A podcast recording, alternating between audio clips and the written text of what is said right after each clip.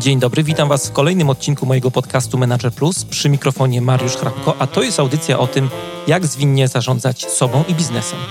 Jeżeli chcecie, żeby coś zmieniło się w Waszym życiu i czujecie potrzebę ciągłego szlifowania swoich umiejętności, zapraszam do słuchania moich audycji.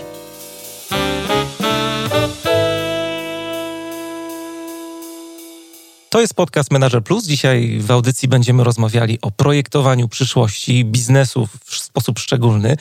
E, I do audycji zaprosiłem dzisiaj Zuzannę Skalską, analityczkę trendów, właścicielkę 360 Inspiration, partnerkę Futures Thinking Group, e, autorkę książek o sygnałach zmian dla biznesu.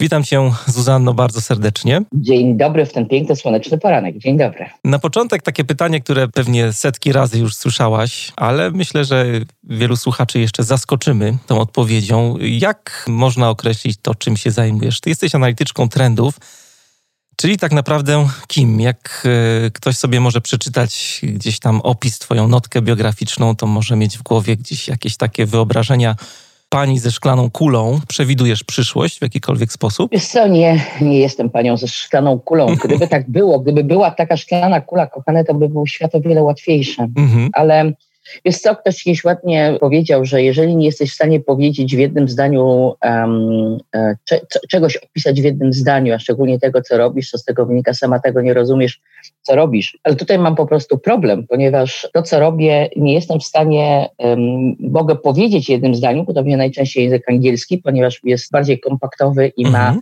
więcej takich słów kluczowych, a to, co robię, wiesz, to właśnie na tym to polega, że wiesz, biznes jako ogólnie, um, ogólnie przyjęty biznes i branże przemysłowe po prostu nie wiedzą, że coś takiego istnieje. Czyli wiesz, to są właśnie, mam, mam z tym trudność, że ja mogę powiedzieć, co robię, ale i tak, i tak biznes nie wie, co to znaczy.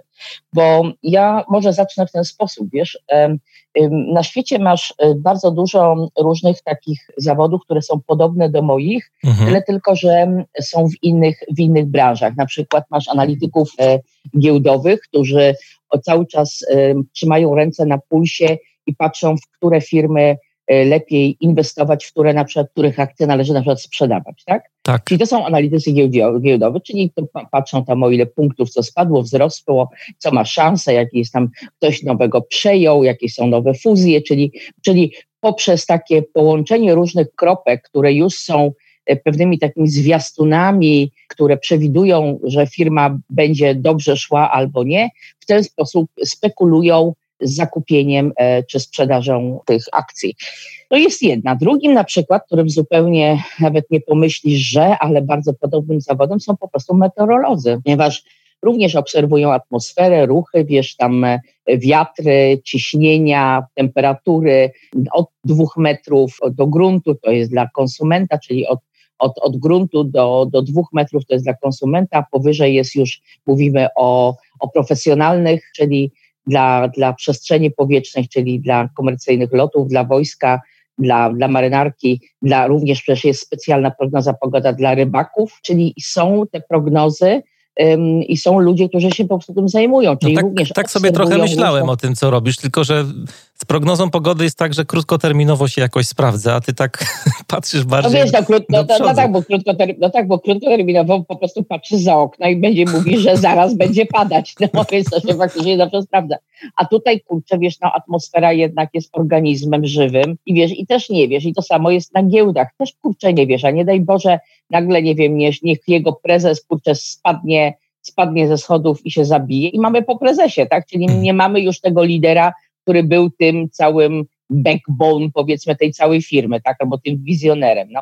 Czyli wiesz, no wszystko się zdarza, no niestety, no to jest po prostu nasze życie. A ja robię to dla przemysłu, czyli obserwuję cały czas różne dokładnie, te ładne, tak nazywam to różne kropki, czyli obserwuję różne sygnały, które są w przemyśle. I teraz my dzielimy w naszej firmie zakres ośmiu różnych biznesów. Już nie będę ich wymieniać, ale to są ośmiu, czy, bo tam masz, bo wiesz, no, wiesz, no, co innego jest na przykład e, cały system e, zdrowotny, same, nie mówię o nie ubezpieczeniach, tylko cały system szpitalny, tak, czyli mówimy od lamp operacyjnych poprzez skalpele, e, różne stoły, wiesz, cały, cały osprzęt medyczny, typu skanery czy, czy jakieś inne echo, tak? Czyli to jest całe, całe, całe, całe, dotyczące profesjonalnych szpitali. Wiesz, a z drugiej strony masz znowu na przykład e, małe AGD, tak? Albo duże AGD, czyli pralki, lodówki, albo nie wiem, zaparzarki do kawy.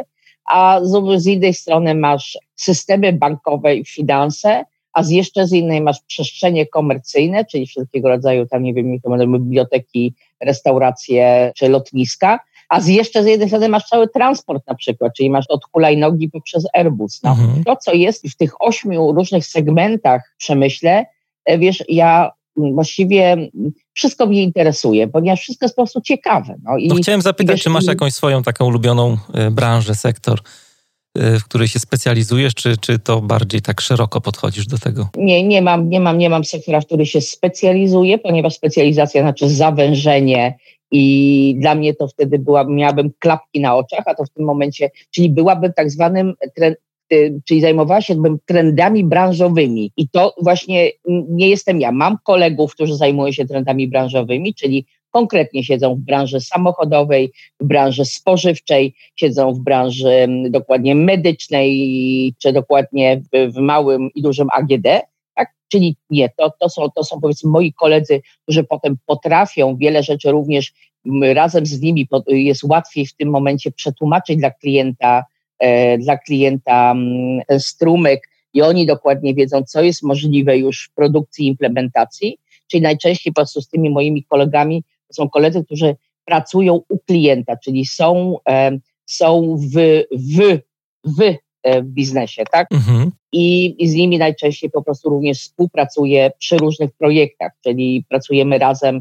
Ja z tego właśnie, powiedzmy, tego górnego części lejka, a oni bardziej po prostu przy tym już części implementacyjnej. Czyli można robić z nimi już prototypy, można już z nimi robić również i testy, także patrzeć, wiesz, różnego. Ale co, powiedzmy, górny lejek, tak, ponieważ wszystko jest takie lejkowe, że musisz od ogółu do szczegółu. Ja się zajmuję tym bardziej tym górniejszym, tym bardziej, tym bardziej ogólniejszym, ponieważ razem z Rafałem Kołodziejem, się moim partnerem biznesowym Future Thinking, wierzymy, że nie ma jednej przyszłości, to raz, a dwa, że przyszłość, jakkolwiek te przyszłości tych różnych firm w różnych branżach są, są one zawsze nawet najczęściej bym powiedziała, najczęściej poza Twoją własną branżą. Czyli jeżeli jesteś branżą spożywczą, to prawdopodobnie branża Twojej firmy leży po prostu w branży farmaceutycznej mhm. albo w branży rolniczej, czyli nie, nie konkretnie w dzisiejszym znaczeniu branży spożywczej. To, to wasze hasło, ta, ta mantra jest taka bardzo otwierająca oczy. Jak ją pierwszy raz usłyszałem, to tak zupełnie się inaczej patrzy na świat, że nie ma jednej przyszłości, są E, równoległe możliwości, no tak, które możemy no tworzyć. Właśnie. Może, możemy, możemy, możesz po prostu dokładnie i teraz to, co rozmawiamy i to co, to, co potem Rafał się zajmuje, czyli dokładnie na co postawić, czyli te bets i beliefs, no, czyli najpierw musisz, najpierw musisz, kurczę, po prostu w coś uwierzyć, na coś postawić, czyli wiesz, no, tak jak sławetny dowcip mówi, wiesz, że Boże, Boże, dlaczego ja nigdy nie wygrałem na, na, na loterii, tak? -hmm. Więc Bóg powiedział, no jak kupisz los, to wtedy możemy rozmawiać, tak? No więc dokładnie, no więc, no więc dokładnie firmy to samo, tak, że ojej, dlaczego, dlaczego lewy i prawy konkurent, y, właściwie oni są tak lepsi? Dlaczego, tak? No to, no bo, no bo w momencie, kiedy nie zainwestujesz, tak, czyli nie kupisz tego, tego losu na loterii, no to zawsze będziesz w tyle. To jest, wiesz, no, to standardowe ROI, tak? Przy czym właśnie my mamy, mamy duży problem z tym. Ja, ja zauważyłam na, na rynku polskim z ROI, ponieważ to słowo i jest niezrozumiałe, ponieważ najczęściej i to byłoby takie, no dobrze, jak najmniej wydać pieniędzy, a mieć jak największy zysk. No ale z matematyki nie ma czegoś takiego, że jak zainwestuję zero, to będę mieć 400% zysku. Wiesz, no to trzeba mieć wyjątkowe szczęście jakieś. No, trzeba na przykład kopać i znaleźć piracki skarb chyba, wiesz. No, to jest... E, e. Dużo mówisz o przyszłości tutaj. Twoja ciekawa jest e, życiowa historia bardzo, warto do niej nawiązać, bo ty wyprowadziłaś się z Polski do Holandii w 92 roku. Tam studiowałaś, wciąż tam mieszkasz. E, no i potem zaczęłaś pracę w Philipsie, w dziale, który zajmuje się analizą trendów, czy zajmował się analizą trendów. Był koniec lat 90. Myśleliście no. bardzo mocno do przodu. No. Przypuszczam, że gdzieś tam lat, rok 2000 też się Nie, gdzieś dożyjemy. Żyjemy dokładnie, mhm. żyjemy w tej chwili w czasach, które zaprojektowaliśmy wtedy. Jak to jest Naprawdę. pracować od tylu lat w przyszłości? Jak ty się w ogóle z tym czujesz? Znaczy wiesz, dla mnie w ogóle... Miałem, miałem taką, że ci jeszcze wejdę w słowo, miałem taką myśl dość śmieszną i niepasującą chyba, ale wyobraziłem sobie ciebie, jak idziesz do jakiegoś freudowskiego psychoterapeuty i on tak próbuje sięgać w przeszłość, a ty nie, nie, ja, ja się zajmuję przyszłością tylko i wyłącznie. tak. Przeszłość, a co to takiego? No właśnie.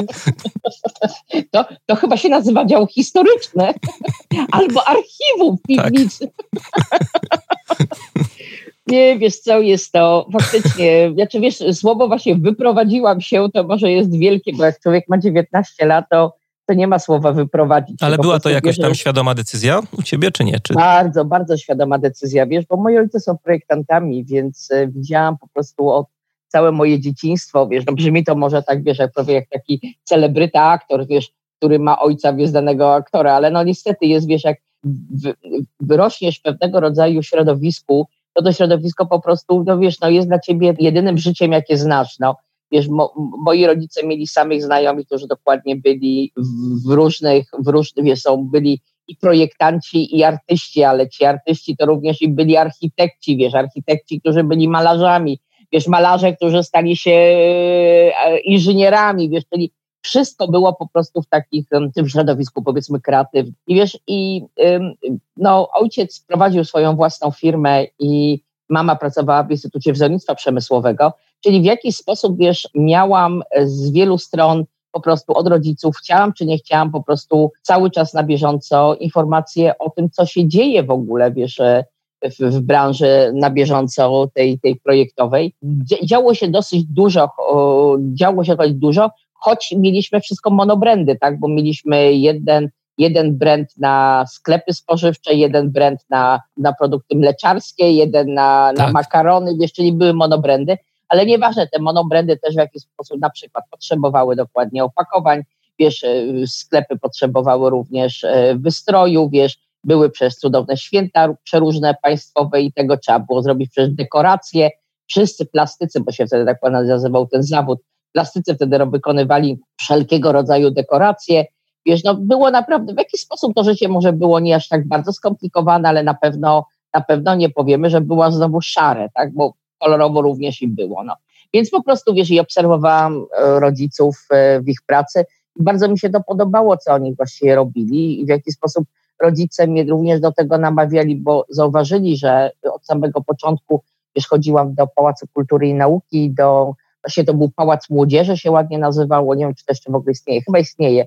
I Pałacu Młodzieży w Warszawie e, było bardzo dużo, wiesz, takich właśnie takich pracowni, do których można było się zapisać i sobie chodzić. Chodziłam na metaloplastykę, chodziłam na ceramikę, chodziłam na takie zajęcia ogólnoplastyczne, na które się nauczyłam bardzo dużo takich fajnych manualnych rzeczy. No.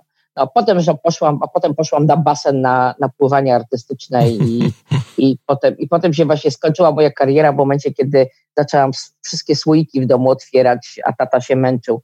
Ojciec mi zabronił już chodzić na basen, bo stwierdził, że zaczynam być za silna fizycznie, a to nie takie kobiece. No, więc, więc się skończyło. No. no właśnie, także, także wiesz, i po prostu w jaki sposób ojcowie powiedzieli, że, że moje życie będzie, e, będzie że mogę życie sobie tak ułożyć, ale najpierw muszę sobie po prostu, najlepiej, żebym wybrała sobie wolny zawód. Zawód, który da mi taką przyszłość, że, mogę, że będę miała wyższe wykształcenie, a że będę mogła sobie to życie w każdy sposób zaprojektować. Powiedział, że jeżeli będę, nie wiem, fizykiem jądrowym, no to to nie jest wolny zawód, to to już jestem bardzo ukierunkowana, tak? Matematyk bardzo ukierunkowane. Powiedział, że jak wybierzesz coś, co jest bardziej, bardziej da ci więcej szans do znalezienia własnej ścieżki życia, to wtedy będziesz człowiekiem, który będzie szczęśliwy. No. Mhm. Także rodzice bardzo tak, wiesz, z nami rozmawiali po prostu w ten sposób, no, żeby, wiesz, no, chociaż człowiek, wiesz, słuchał ich, a wiesz, jednym uchem, a drugim wylatywało, ale w jakiś sposób to gdzieś tam na tych filtrach zostało, no. Więc ja chciałam, ja chciałam, chciałam oczywiście, zdawałam nawet na Akademię Sztuk Pięknych w Warszawie, na Wydział Wzornictwa, bo wiesz, właśnie tu się taka zaczyna taka arogancja, wiesz, ponieważ, wiesz, ja jestem, ja jestem z Warszawy. Więc wiesz, jak się jest z Warszawy, to nie ja ma jestem z Krakowa. Szkół. No więc właśnie, wiesz, Kraków faktycznie był, no wiesz, była tam jakaś szkoła, ale sorry, ja nie będę jechać z Warszawy do Krakowa, wiesz. Kraków może przyjechać do Warszawy, wiesz, studiować, ale nie Warszawa do Krakowa. Więc, więc wiesz, jest to, to jest właśnie to jest taka arogancja stoliczna, wiesz, bo to każda stolica ma taką arogancję, bo jak już mieszkasz w stolicy, to w tym momencie jedynym wyjściem jest zobaczyć, co się dzieje w innym państwie, wiesz? Czyli w tym momencie ja mogę wyjechać z Warszawy do Londynu, hmm. rozumiesz? To wtedy jest okej. Okay. Jak e, sobie czytałem różne rzeczy a propos naszej rozmowy i się trochę przygotowywałem do niej, to przeczytałem gdzieś słowa, dużo wspominasz ojca swojego, mm, który powiedział, jak wyjeżdżałaś z Polski, że jedziesz tam, gdzie możesz realizować swoje myśli i idee. Polska nie była takim miejscem wtedy, jak wyjeżdżałaś. Jak patrzysz na Polskę teraz? Jak patrzysz na mm, polskie biznesy teraz? Jak to wygląda? W Twoich no, oczach? Wiesz, od, od, na pewno od y, ponad pięciu lat y, działam na polskim rynku, a działam tylko dlatego, że po prostu dokładnie za, zaczyna być również i potrzeba na, na moje usługi, czyli to, co ja proponuję biznesowi. Biznes rozpoznaje to jako, jako, jako element, jako wartość dodaną do, do biznesu. I wiesz co, ja po prostu obserwuję, właściwie chyba od 10 lat obserwuję polski rynek i co się na nim dzieje. I pamiętam, jak to był 2005 rok chyba, pojechaliśmy z moim kolegą, wtedy jeszcze pracowałam w studiu projektowym, pojechaliśmy, robiliśmy taką objazdową, objazdową wiesz, trasę e, po Polsce i zwiedziliśmy duże, duże firmy, duże firmy wtedy, wiesz, znane marki, które, które były w Polsce, tam powiedzmy typu Zelmer, czy Koło, e, czy, czy Famet, e, czy Wrozamet, czy, czy, czy Amika, mhm. wiesz, i pamiętam, że Wtedy, wtedy to były absolutnie jeszcze zakłady produkcyjne i jeszcze budżety, e, jakie wtedy, bo wtedy przelicznik euro do, do, do złotówki był jednak przepaścią.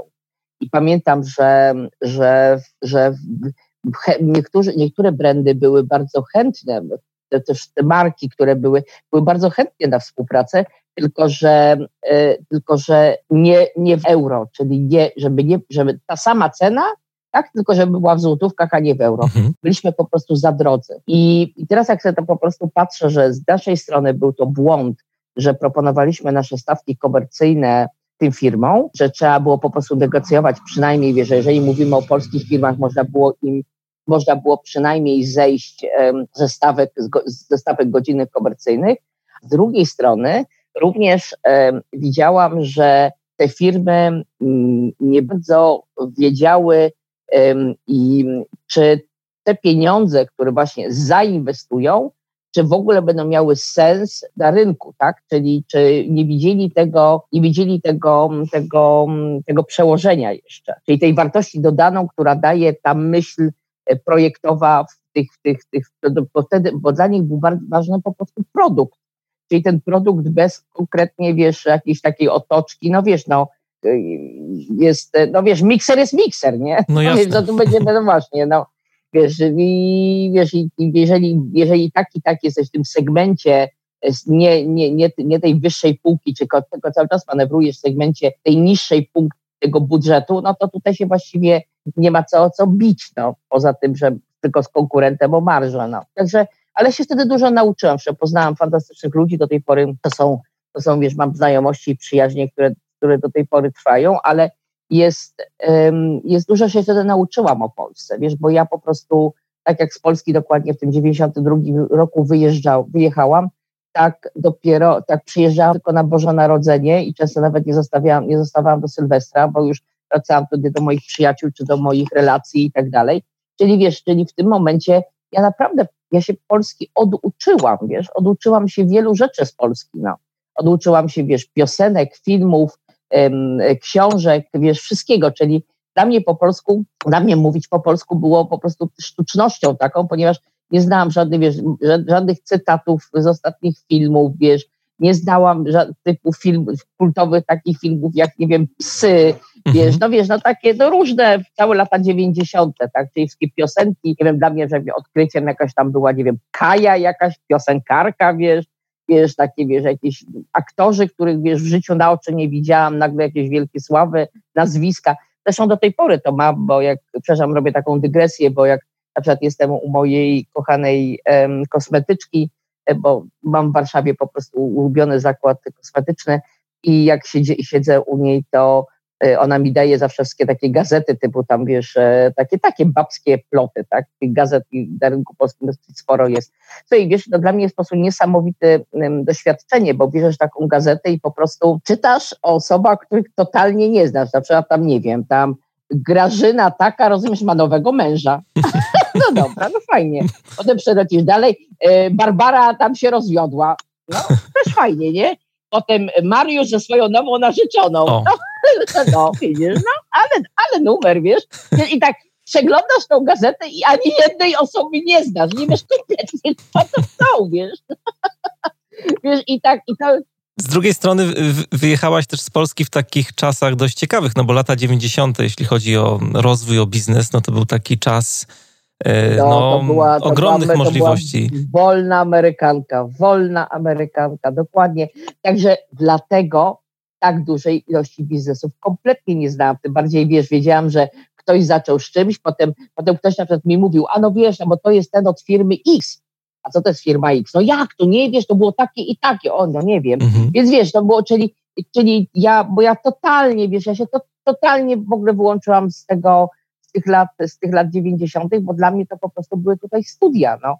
Także ja, A wiesz, z drugiej ja, strony też w swoich wypowiedziach y, podkreślasz taką dość ciekawą rzecz, że świat czy, czy Polska trochę przypomina teraz lata 90., nie? że otwierają się przed nami też nowe możliwości, nowe szanse dla biznesów. Y, na czym powinniśmy się skupiać? Na co postawić, żeby ten moment jakoś wykorzystać? Wiesz, na co postawić, to wszystko zależy od konkretnie, wiesz, to jest, wiesz, ja nie mogę zrobić takiej analizy ogólnej, bo mhm. nie jestem interni, internistą dla całego biznesu, wiesz, trzeba każdego powoli zbadać, wiesz, wziąć krew, mocz, wiesz, no wiesz, ciśnienie, wiek, e, gęstość krwi, temperaturę, no wiesz, no trzeba diagnozę postawić na pewnych różnych składnikach, które po prostu, które, które, które, czyli musisz po prostu zawsze z firmę przebadać, tak, no.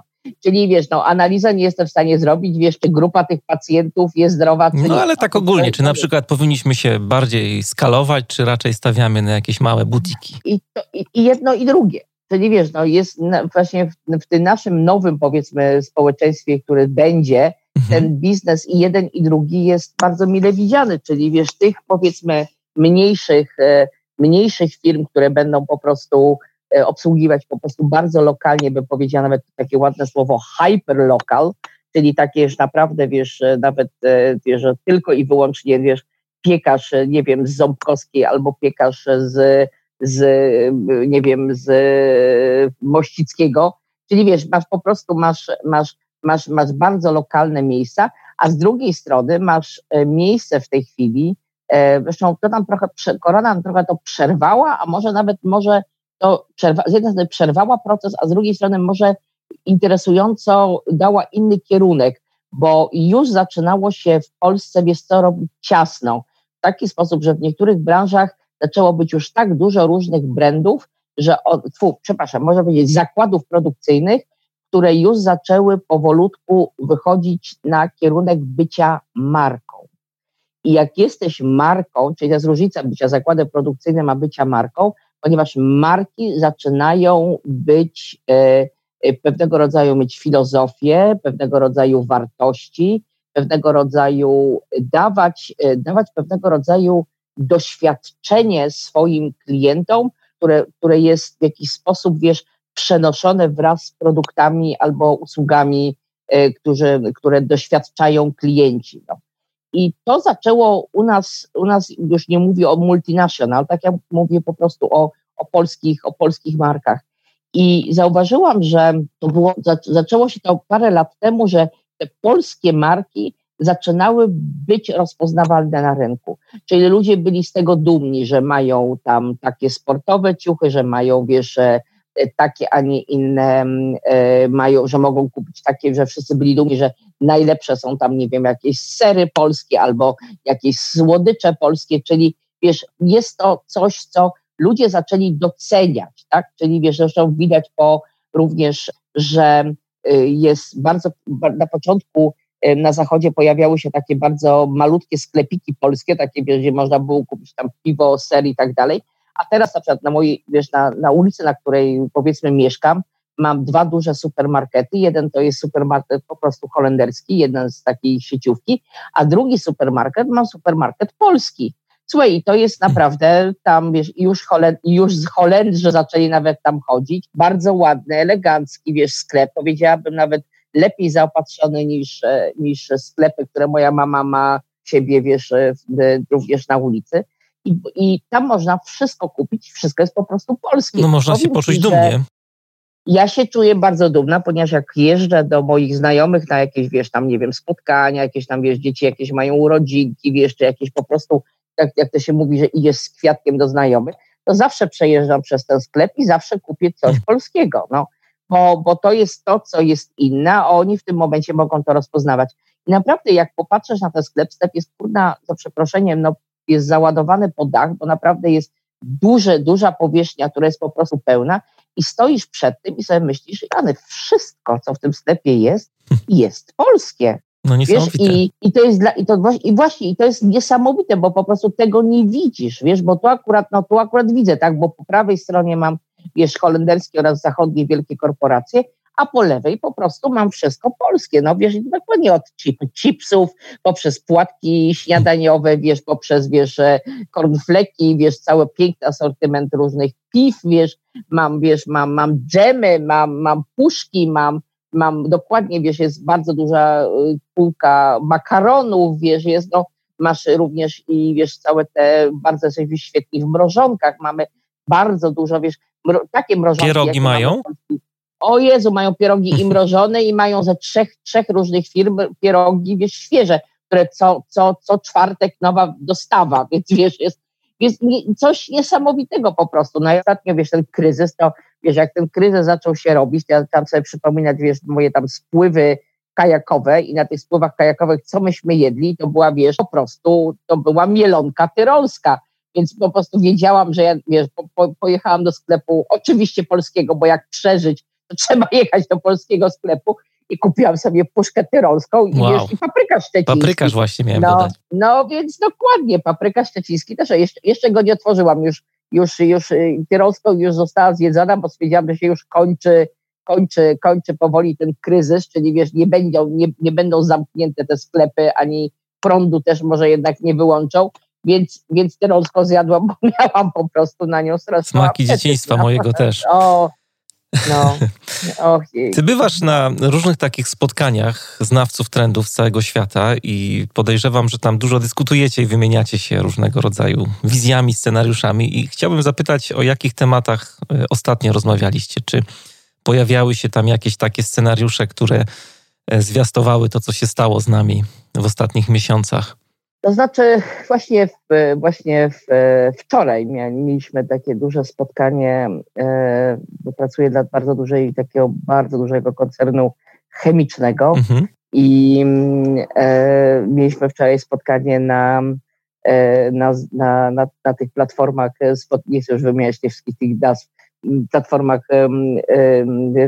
tych do komunikacji i mhm. mieliśmy spotkanie, które no, no, było absolutnie globalne, bo w tym samym czasie dokładnie siedzieliśmy z Barbarą, która mieszka w Sydney, e, z, z moimi kolegami z Singapuru i z, i z, i z Pekinu. E, był i również Singapur, tak, Singapur i Pekin. Potem były, byłam ja i parę osób tutaj z Niemiec i z, z, ze Skandynawii oraz była dwie osoby z UK, potem była jedna osoba z Nowego Jorku i dwie osoby z Brazylii. Czyli mówimy o takim, no powiedziałabym, zrobiliśmy kółko, tak? No. I, i, wiesz, i było to, że byśmy ostatnie nasze spotkanie e, fizycznie mieliśmy we wrześniu w, w Holandii, gdzie właśnie robiliśmy taki wspólny przedstawialiśmy, bo to robimy dokładnie, że przedstawiamy nasze myśli, a potem te wszystkie myśli razem łączymy i razem z firmą tworzymy dla niej taki szkielet, na którym potem firma buduje e, swoją, swoją całą nową kolekcję, bo mówimy tutaj o, o farbach. Mhm. I, i, I właśnie i dokładnie dlatego to spotkanie zostało zorganizowane przez, przez szefową rozwoju, żeby zobaczyć, czy e, czy zrobiliśmy jakiś błąd, tak? Czyli żeby teraz nasze predykcje, które zrobiliśmy, zrobi, zrobiliśmy we wrześniu, żeby w tej chwili w jakiś sposób zweryfikować. I niesamowite jest, że właściwie nie trzeba było nic weryfikować, ponieważ e, rzeczy, które powiedzieliśmy wtedy w, we wrześniu, właściwie nadal są bardzo aktualne, ponieważ my zawsze wychodzimy od e, rzeczy takich, um, od bardzo człowieka, czyli od potrzeb człowieka. No właśnie, jakbyś mogła parę słów też powiedzieć przy okazji, jak ten proces wygląda, bo też myślę, że nie tylko ja jestem ogromnie ciekawy, jak no pracujecie. Wiesz, ponieważ, no właśnie, czyli wiesz, no to, co było przed koroną, czyli powiedzmy te geopolityczne rzeczy, które były przed koroną, czyli wiemy, że mieliśmy po prostu w tym momencie pędzący, pędzące smoki chińskie, rozżarzone do czerwoności ze swoją, ze swoją, ze swoją y, ekonomią. I z drugiej strony mieliśmy po prostu tego białego orła, powiedzmy trochę rozczochranego, którym jest po prostu są Stany Zjednoczone. I widać było, że ten konflikt między jednym a drugim zaczął być coraz większy. I te konflikty, czyli wiesz, gdzie dwóch się bije, to powinien trzeci korzystać, a wręcz przeciwnie, ten trzeci w środku też zaczął się bić, czyli mówię tej Europie. I tutaj zaczęło być to, wiesz, że zaczęło się być bardzo niebezpieczne. Czyli to, co myśmy rozmawiali o tym, że polaryzacja, jaka zaczyna się dziać na świecie, czyli albo jesteś lewy, prawy, i tu nie mówię o zimnej wojnie, tak, bo kiedy była zimna wojna, to wiesz, jeden, bo wiesz, wszyscy przeciwko jednemu było, a tutaj właśnie, kurczę, zaczyna być robić się problem, bo, bo jednak e, dużo firm postawiło na Chiny, Chiny zaczęły po prostu być bardzo takie, wiesz, optymistyczne i otwarte. Wiesz, ja mam sama dużo, wiesz, takich znajomych prezesów, którzy mają po prostu całe, właściwie całe główne produkcje, wiesz, i tam mają swoich ludzi, dokładnie wszystko w Chinach, tak? Czyli postawiły na Chiny, czyli wiesz, czyli na obsługę po prostu, wiesz, tego, tego, tego giganta, który wiadomo, że w tej chwili tam będzie również wiele rzeczy potrzebował. Czyli Chiny stały się już nie, nie takim państwem, nie takim państwem e, dalekiej Azji i taniej produkcji, tylko stały się państwem środka ekonomii, tak? I to jest, i to i, wiesz, i widać było, że, że, że ten kierunek po prostu będzie nadal szedł. I, a z drugiej strony wszyscy zaczęli się bardzo obawiać e, Stanów Zjednoczonych, czyli to, co ruchy, właśnie to, co, to, co mówi moja koleżanka ze Stanów Zjednoczonych, ona opowiadała po prostu, co się dzieje w tej chwili w społeczeństwie amerykańskim, jakie następują w tej chwili walki. Z, wiesz, słowo rasowe to może jest bardzo złe, ale w tej chwili, wiesz, bo tam jest ta pozytywna dyskryminacja w Stanach Zjednoczonych, czyli na to samo stanowisko, jeżeli ubiega się biały mężczyzna z osobą, wiesz, o innej karnacji i kolorze skóry, mhm. to e, firmy niestety muszą przyjąć osobę, która ma ten inny kolor skóry. Bo jeżeli przyjmą białego, to w tym momencie to, że jesteś rasistą. A jeżeli jesteś, przyjmujesz o innym kolorze skóry, to w tym momencie jest to pozytywna dyskryminacja. No i zaczyna się po prostu problem, że bardzo dużo, i tutaj mówimy o tym ruchu białych mężczyzn, ten ruch białych mężczyzn zaczął się robić bardzo poważny, ponieważ oni po prostu stwierdzili, że mają, że oni są naj, najbardziej dyskryminowaną grupą społeczną. Czyli dokładnie jesteś białym, wykształconym mężczyzną, masz największy problem na, jesteś na rynku dyskryminowany, tak. Totalny, ale to mhm. totalnie. I tutaj wiesz, i tutaj jest te, i te ruchy, które były, czyli wiesz, e, to co Trump zaczął, no Trump po prostu ma, no jest, jest nieprzewidywalny, tak? On jest po prostu, którą nogą wstanie z łóżka, taka będzie dzisiejsza polityka i, i, i, wiesz, i odpowiedź to jest właśnie polityka twitterowa, bo on tylko wydaje jakieś decyzje twitterami, o których nawet jego urzędnicy nie wiedzą. No. Więc jest to, jest, to, jest, to, jest to tak nieprzewidywalne, że kalka ta kalka korony doszła, ale proces jest cały czas ten sam, rozumiesz? I jest mhm. dokładnie, wiesz, czyli cały czas, czyli widać, że wiesz, jak popatrzysz również na te inności, jakie charakteryzuje ten świat, że w Stanach Zjednoczonych system bank, te wszystkie systemy, jakie my znamy, wiesz, tam kurczę cały czas ludzie cały, sama i sama zresztą jak e, wykładam na Parsonsie w Nowym Jorku, tutaj to dostaję od księgowości e, kopertę, a tam rozumiesz papierowy czek. papierowy Dobrze, czek, że jest wiesz. w ogóle. No tak, tak, ale rozumiesz, wypisany długopisem, rozumiesz, czek, no. Tak. A wiesz, jak jedziesz, a jak wiesz, a teraz tak samo mówię taki, wiesz, a taki polaryzacja, które są dla mnie następują w tym samym czasie, wiesz, a potem jestem, wiesz, w Chengdu, wiesz, w Chinach, wiesz, i chcę kupić kawę w Starbucksie, tak, tak, bo oni tam mają Starbucksy, wiesz, chcę kupić kawę w Starbucksie, rozumiesz, i teraz wyciągasz wszystkie, wszystkie kolory karty, jakie masz, a pani mówi Alipay, Alipay? ja mówię, nie mam Alipeya. No to jak to zapłacisz? No, więc wiesz, no, jesteś skazana w tym momencie na tego znajomego Chińczyka, który stoi akurat obok i mówi, spoko, ja ci tą kawę postawię, wiesz, bo po prostu nie mam Alipeya, czyli jeżeli nie mam konta w Alipeyu, czyli również, wiesz, tego, nie, to, nie jestem, to nie jest w stanie mi przyjąć pieniędzy, no, bo wiesz, bo bo tylko w takich miastach, w których są naprawdę mają tą turystykę i tak dalej, no to w tym momencie y, mają te wszystkie nasze, nasze karty, karty i systemy, które po prostu przyjmują w płatnościach. No. A pieniądze, wiesz, tam w obiegu w ogóle już nie ma, czyli oni już prawie, wiesz, do, nie, ma, nie ma fizycznych pieniędzy u nich w obiegu prawie. To jest tam już jakaś, jak, jak, może jakimś targu czy coś, ale mhm. rzadko. No. Więc powiem Ci, że te skrajności Czyli wie, z jednej strony mamy niby te Stany Zjednoczone, które miały być taką tą potęgą myśli i, i wiesz, to no, te potęgi jednak zaczynają się po prostu kończyć, patrząc po prostu w tej chwili na myśl, na tak jak się po prostu Chińczycy w tym momencie już wykształcili, w, jaki, jakie mają chińskie firmy i również i koreańskie, tylko mówię tutaj południowe.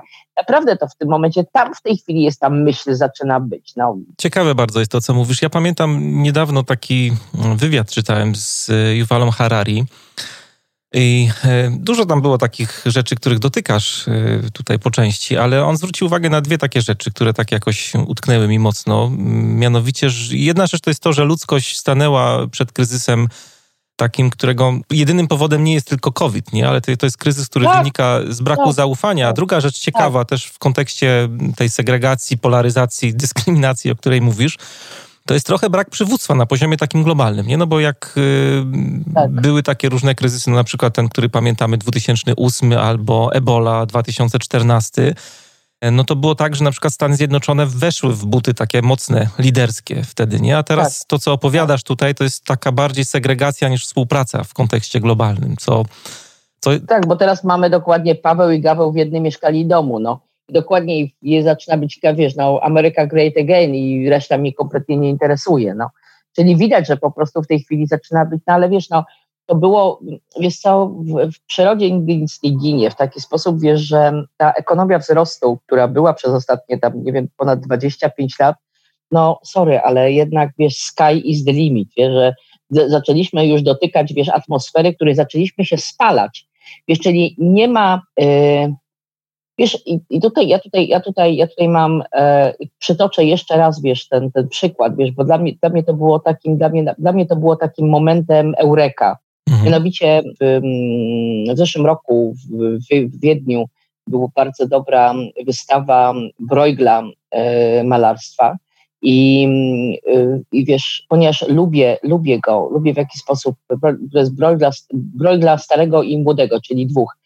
I stanęłam przed wielkim, potężnym obrazem, który jest, zresztą jest w ogóle w Muzeum Narodowym e, Wiedeńskim.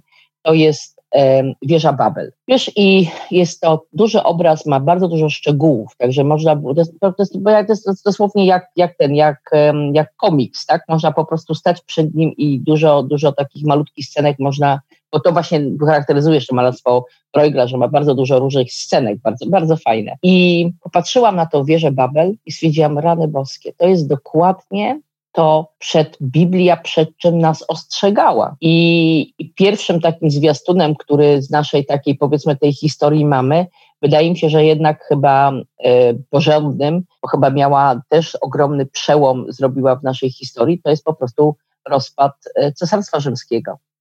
I to dokładnie, była, samo była wieża Babel. Wiesz, myśmy to samo teraz z tą naszą ekonomią wzrostu stwierdziliśmy, że po prostu my jesteśmy już, że my właściwie dotykamy już Boga.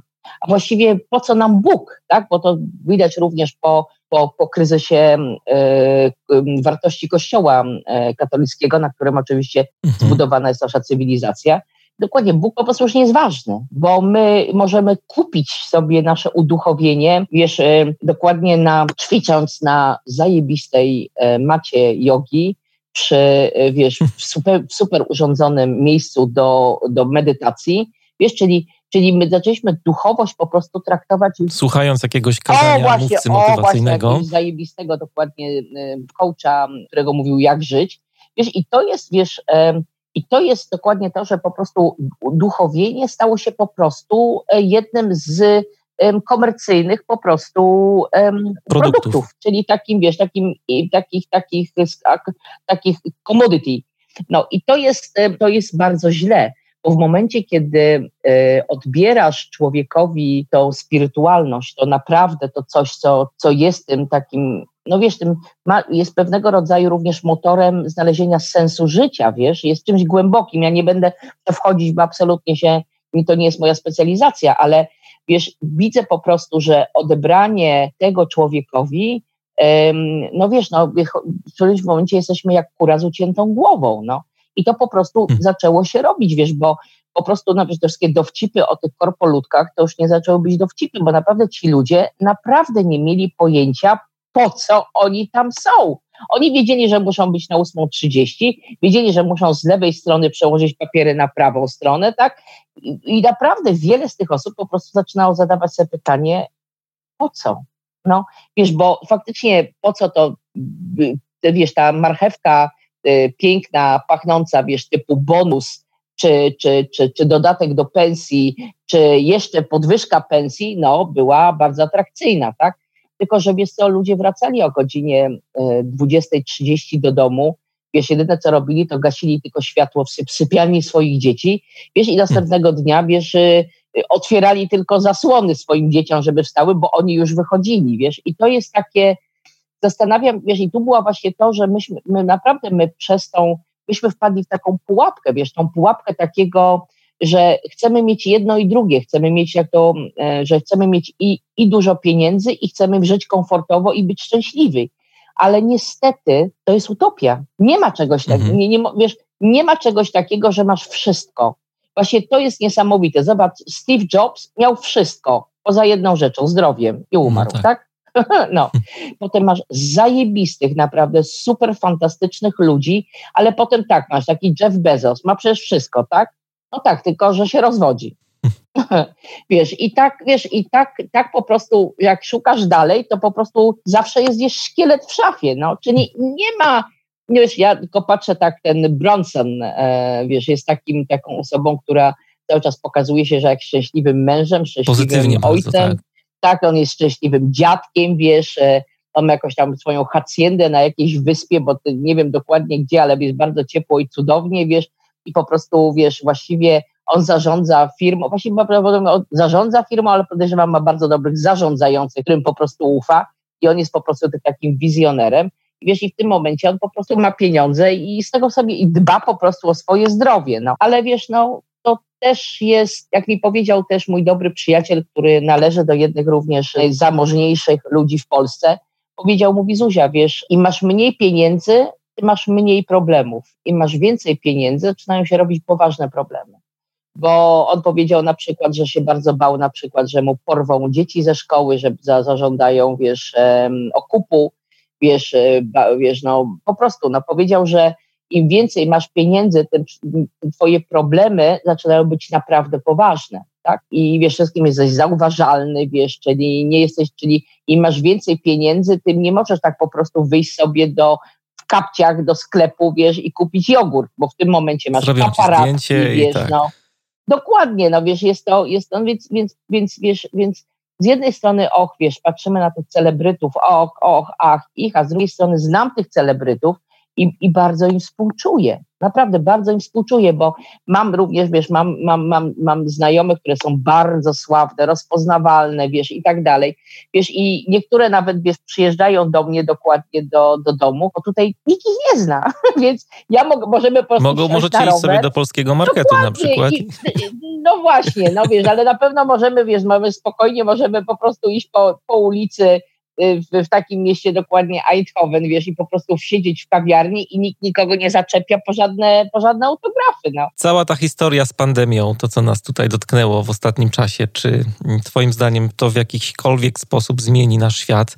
E, często nawiązujesz e, do takiego mm, belgijskiego ekonomisty Gerta Noelsa. On w książce Gigantys tak, tak. napisał, że przyszłość będzie mniejsza, e, wolniejsza i bardziej ludzka. Bardziej tak? ludzka. Czy tak. tak. czy tak będzie faktycznie? E, znaczy, wiesz, świat nigdy, wiesz, świat nigdy nie jest taki sam. Wiesz, my, my, my, świat zawsze był bardzo skomplikowany i różnorodny, bo wiesz, no, nie wiem, czy, wiesz, no, bo w tym momencie nie wiem, co się zmieni dla ludów w lasach amazońskich, tak? wiesz, no, podejrzewam, że nic. Mam nadzieję, że Może nic, będą mieli także... Starbucksa. No, więc widzisz, no.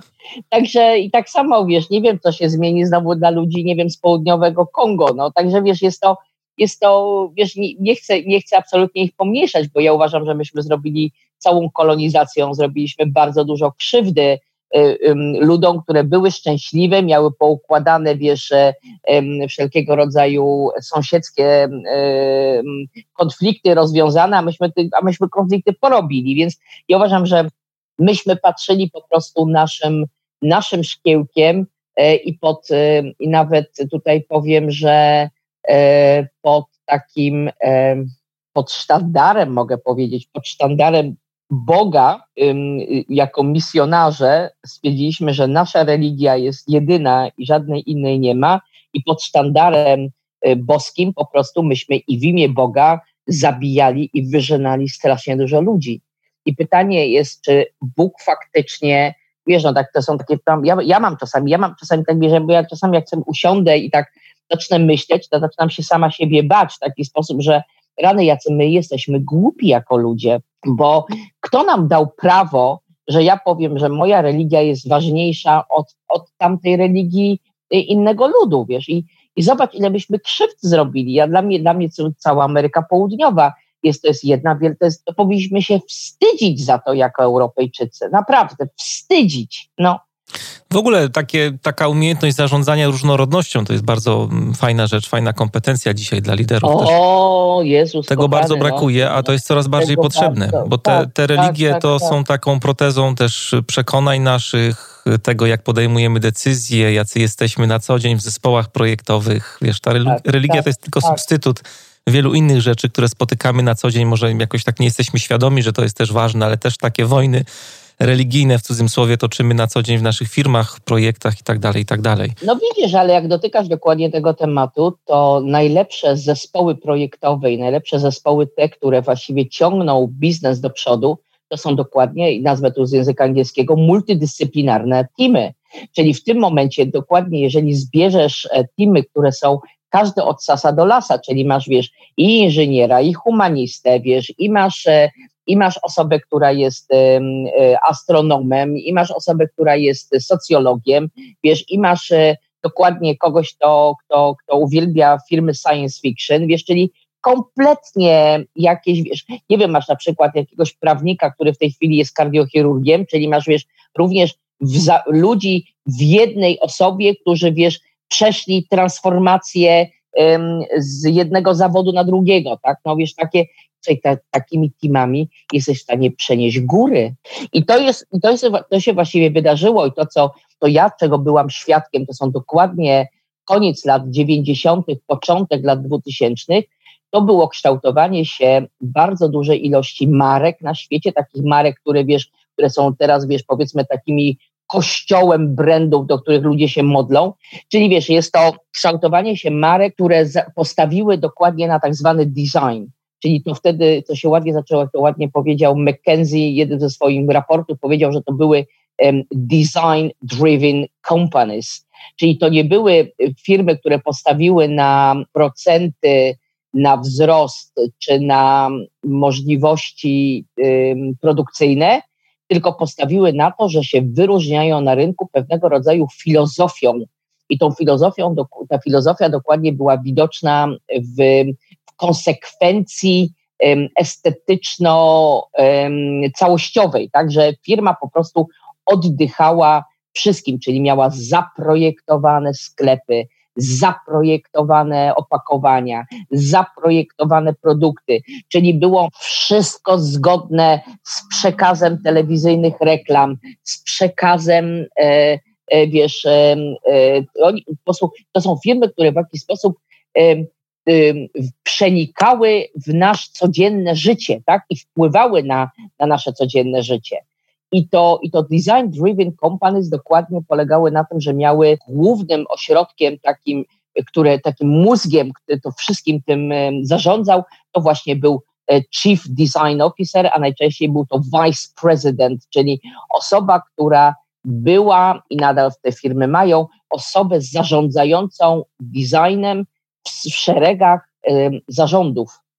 I to jest to, co, to, co jest unikalne, bo daj mi, daj mi polską firmę i teraz właśnie i tu jest zaczyna, tu, tutaj to, to, ten dotyk, który mam po prostu do tej właściwie to, to, do tych polskich firm, nie ma, nie ma żadnej polskiej firmy, żadnego polskiego, polskiej marki, która by miała w zarządzie swojej firmy osobę odpowiedzialną za design. Czyli wiesz, no, kończy się po prostu na tym, że masz e, szefa od finansów, że masz e, osobę, która jest odpowiada za marketing i często sprzedaż, no i oczywiście samego właściciela albo prezesa. No, no i teraz Czyli też wiesz, mówi się o mm, działach HR, tak, o reprezentantach działu HR. A no tak, jeszcze działy HR dokładnie i może niektóre firmy, które tam były te, były takie, wiesz, szły trochę z duchem czasów, to miały osobę odpowiedzialną dokładnie za cyberataki. Mam jeszcze jedno pytanie do ciebie na koniec, ale zanim go zadam, to takie małe, małe tło, mały kontekst zrobię, bo chciałem nawiązać do, takiej,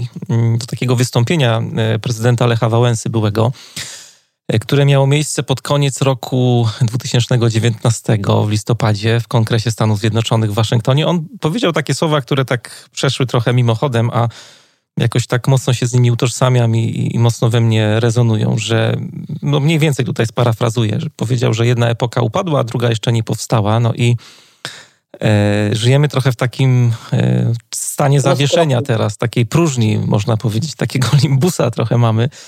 E, I on ten stan nazwał epoką słowa, co jest bardzo mądre, bo gdzieś w tyle głowy trzeba myśleć o tym, żeby po prostu to, do czego nawiązywaliśmy dzisiaj dużo w trakcie naszej rozmowy, żeby rozmawiać o tym, na jakim fundamencie powinien być ten nasz nowy świat osadzony. I, i tutaj różne są jakby aspekty do, do rozważenia. E, system ekonomiczny, system polityczny, ale też w kontekście tutaj słuchaczy naszego podcastu, system przywództwa, zarządzania i tak dalej, i tak dalej. I tutaj chciałem Ci zadać pytanie, od czego taką debatę byś zaczęła? Na jakie kwestie jako spec od śledzenia i analizy sygnałów zmian zwróciłabyś uwagę? tej epoce słowa? O czym powinniśmy rozmawiać szczególnie teraz? Wiesz, właściwie proces, o którym mówisz, jest również procesem, którym my również przechodzimy, wiesz, bo pracując z firmami e, nie możesz być, nie możesz być sztampą, wiesz. My mhm. pracujemy z firmami, nawiązując i, i właściwie formując z firmami e, relacje, bo z każdym klientem musisz wejść w relacje. Czyli wiesz, jeżeli od samego początku czujesz, że, że to nie, to nie ma tutaj chemii, no to wiesz, po co się męczyć, tak? Czyli wiesz, nie, nie, ja nie wchodzę w relacje z klientami, których nie czuję. I, i, to, co, i, to, co, i, to, i to, co robimy zawsze z naszymi klientami, staramy się najpierw dać im ścianę płaczu. Wiesz, bo najgorzej, najbardziej, najbardziej sfrustrowani ludzie są ci, którzy nie mają miejsca, którym mogą się wypłakać, którym nie mogą po prostu powiedzieć, co ich boli, nie mogą powiedzieć wiesz, rzeczy, które przeszkadzają, wiesz. To są, to są te frustracje, które najczęściej się rodzą w społeczeństwie. Czyli wiesz, jeżeli masz coś, widzisz i nie wiem, zwrócisz uwagę komuś, ten ktoś ci za przeproszeniem da w gębę za to, że zwrócisz mu uwagę, potem pójdziesz do kogoś, to właściwie do kogo się powinien zwrócić, ale ten ktoś cię kompletnie oleje. Wiesz, to w tym momencie albo po prostu zaczynasz się uczyć bić i zaczynasz po prostu oddawać temu drugiemu w mordę, czyli widzisz, to zaczyna się robić e, trochę taka wolna amerykanka. Wiesz, jest i co jest, że ludzie po prostu w tej chwili powinni zacząć e, siebie słuchać. Wiesz, bo dobrze, mamy może erę słowa, co się absolutnie z byłym prezydentem zgadzam, ale może powinniśmy zacząć nową erę i słuchania. Czyli wiesz, to, że tak dużo osób mówi, Zgadza się, tylko podejrzewam, że nikt ich nie słucha. I tu jest, wiesz, bo taki gdzieś cytat, teraz nie pamiętam, czyj to był, że, że my mhm. jesteśmy kształceni, tutaj właściwie może dotknąć niestety, ale edukacji, my jesteśmy kształceni do tego, żeby słuchać, ponieważ musimy odpowiedzieć na pytanie. My nie jesteśmy uczeni, żeby słuchać, żeby zrozumieć. I to jest mądre bardzo. bardzo mądre. I to jest właśnie problem niestety w naszej edukacji, która nadal, i to powiem tutaj niestety edukacji w większości naszych, naszych krajów, nie mówię tylko o Polsce, nadal edukacja e, została po prostu w XIX wieku, kiedy potrzebowaliśmy kształcenia po prostu ludzi do, do, do, do po prostu do produkcji i do tak zwanych um, ludzi z aparatu um, urzędów, tak? czyli urzędnicy i, i produkcja. Ale świat się strasznie zmienił i, i takie myślenie, wiesz, tylko trzema schodkami, no wiesz, jeżeli ludzie w tej chwili potrafią zmieniać zawód, wiesz, w ciągu 20 lat ludzie pozmieniali trzy zawody, robią kompletnie inne rzeczy, to po jaką cholerę cały czas trzymamy się tego XIX-wiecznego systemu nauczania? I to jest i niestety również to samo, i teraz jeżeli mówimy również do Twoich słuchaczy, czyli do, do, do osób zarządzających czy do liderów, to niestety, ale również dotyczy liderów. To, że kiedyś skończyłeś dyplom, to, że masz swoją praktykę w zawodzie, kochany, to wcale nie znaczy, że ty się już przestałeś uczyć. I nie, przede wszystkim nie, za, nie, nie, nie, nie oszczędzaj na edukacji swoich pracowników, to jest jedno, a dwa, sam się ucz Czyli nie, nie, nie, nie odgrywaj mi tutaj mądrali, tak? Bo, że, że, że, wiesz, że, masz, że ty się już nie musisz uczyć, bo właśnie niestety ta słoma z tych butów wychodzi u tych liderów i tych prezesów, których widać, że się kompletnie nie uczą. Widać, po prostu, no. Bo oni już nie, oni tylko jadą na to, żeby tylko zrobić tak zwany handshake relacyjny, prawda, nie zostają do końca różnych kongresów albo przyjeżdżają na kongresy, żeby tylko powiedzieć, powiedzieć, zatrzepotać skrzydełkami, tak, pokazać pióropusze i, i oni, i oni, i to właśnie najgorsze, i oni już się spieszą, bo mają ważniejsze rzeczy. Okej. Okay mają ważniejsze rzeczy. I dla mnie to są, wiesz, i to są, czy to są włodarze miast, czy to są włodarze państw, czy to są dokładnie włodarze firm, osoby, które przyjeżdżają które potem, i wiesz, i tylko są na swoim speechu i od razu z asystentką wychodzą, bo mają ważniejsze rzeczy, pokazuje dokładnie, że okej, okay, to w takim bądź razie ten ktoś nawet nie, nie, nie, nie, nie czyli nawet nie potrafił w swoim kalendarzu zablokować jednego dnia na to, żeby usiąść i posłuchać. Widzisz? I tu jest, znowu zamykamy to samo, czyli może powinniśmy zacząć erę słuchania i rozumienia tego, co słyszymy nie tylko mówienia.